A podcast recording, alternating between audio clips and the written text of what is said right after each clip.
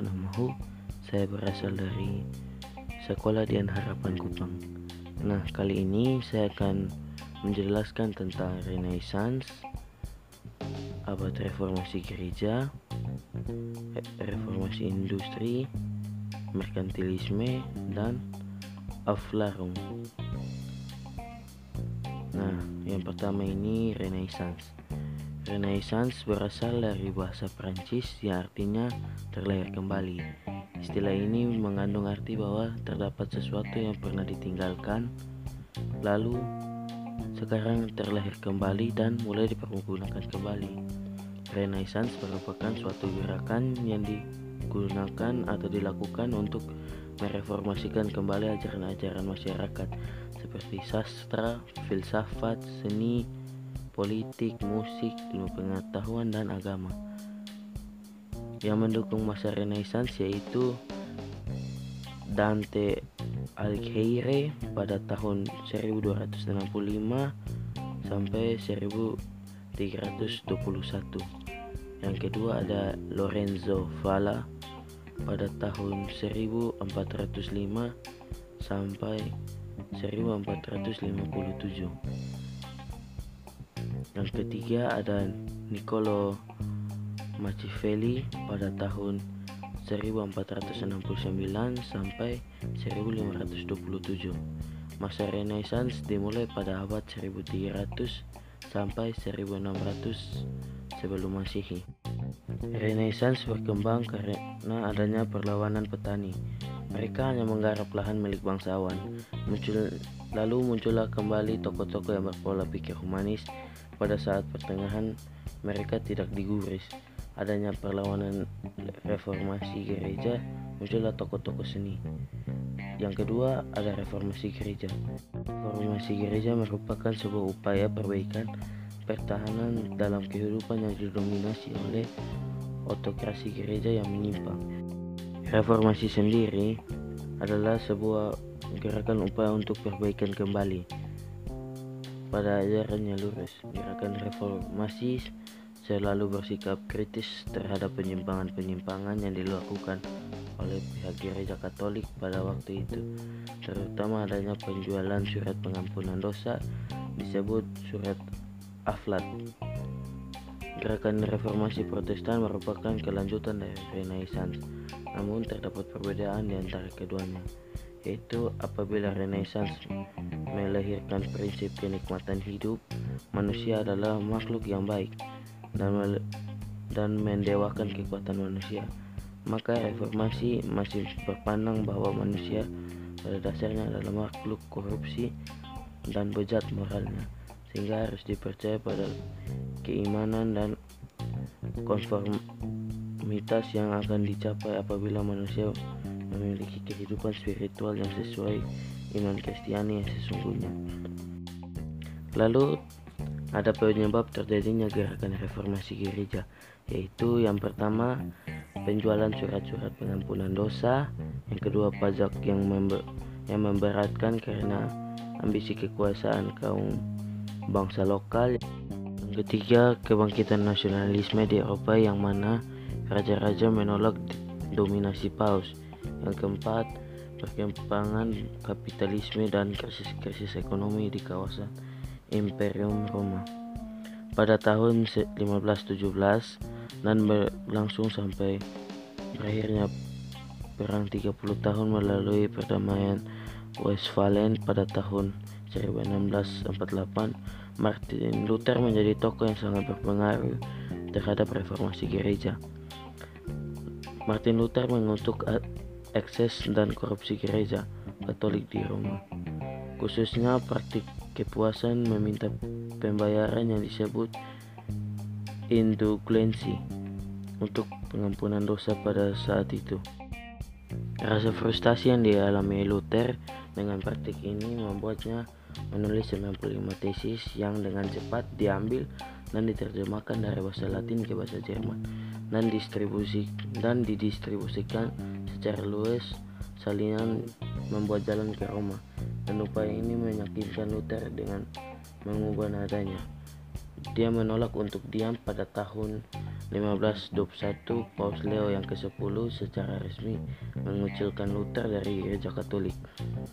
Pada tahun yang sama, Martin Luther kembali menolak untuk menyangkal tulisannya di dalam hadapan Kaisar Romawi Suci Charles kelima dari Jerman yang mengeluarkan Edict of Worms yang terkenal menyatakan bahwa Luther seorang pelanggar hukum dan bidat dan memberikan izin bagi siapa saja untuk membunuhnya tanpa konsekuensi. Lalu dilindungi oleh Pangeran Frederick, Martin Luther mulai mengerjakan terjemahan Alkitab dalam bahasa Jerman, sebuah tugas yang membutuhkan suatu waktu 10 tahun untuk menyelesaikannya. Dampaknya bagi bangsa Indonesia yaitu dampak pada bidang ekonomi, kedua dampak pada bidang sosial budaya keberagamaan gereja lalu dampak pada bidang politik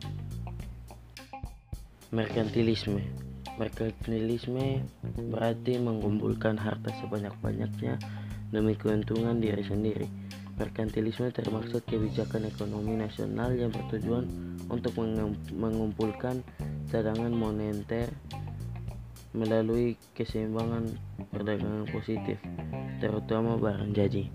Dampak ajaran merkantilisme ini sangat dominan diajarkan di seluruh sekolah sekolah yang ada di Eropa.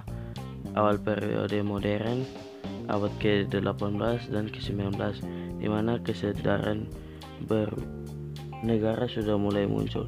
Peristiwa tersebut memicu intervensi suatu negara yang mengatur per ekonomiannya pertama kali dan pada zaman ini sistem merkantilisme mulai lahir. Mengapa perubahan ini dapat terjadi? Karena penduduk Eropa sadar bahwa alam sudah tersedia dan segalanya yang dibutuhkan sudah ada. Yang dibutuhkan adalah manusia yang pintar dan usaha untuk mengelolanya. Bangsa Eropa sadar bahwa untuk meraih keuntungan yang banyak, maka dibutuhkan kerja keras.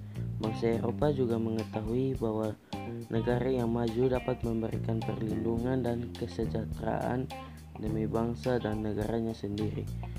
Agar bangsa Eropa bisa menjadi negara yang maju, tokoh-tokoh yang berpengaruh dalam masa merkantilisme yaitu Jean Bodin pada tahun 1530 sampai 1596 lalu ada Thomas Moon ada Jean Baptiste Colbert yang kedua Sir William Petty lalu ada Sir Dudley North lalu ada David Hume.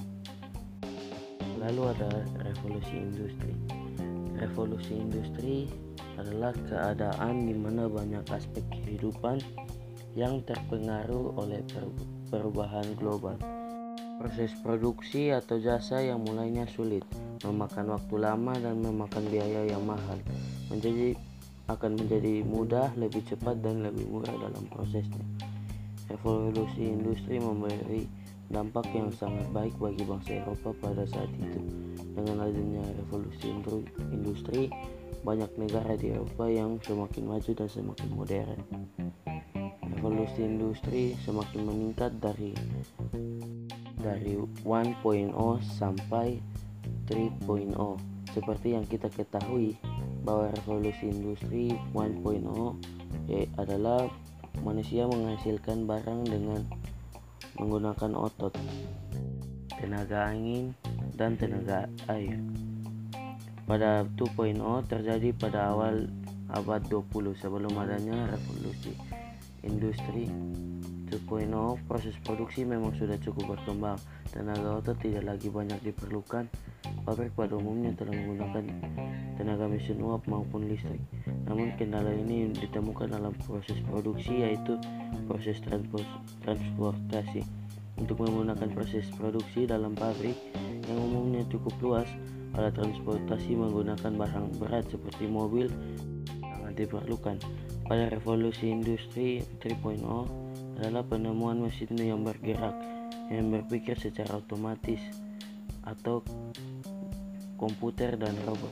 Di saat ini dunia mulai bergerak memasuki era digitalisasi pada 4.0. Yang terakhir ada Aufklärung. Aufklärung berasal dari bahasa Jerman yang berarti perpecahan yang dalam bahasa Inggris dikenal sebagai Enlightenment.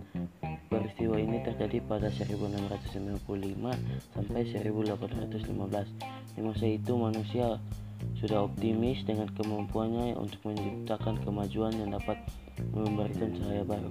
Dalam hal ini adalah kemajuan ilmu pengetahuan, kemudian banyak muncul-muncul pikiran filosofis dari Eropa. Meski sama-sama disebut perpecahan, ternyata Renaissance dan Aufklärung berbeda.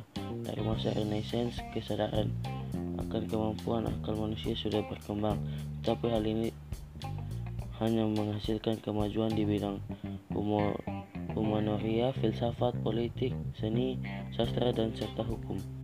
Perubahan dalam bidang ekonomi belum mampu dikembangkan demi kesejahteraan manusia.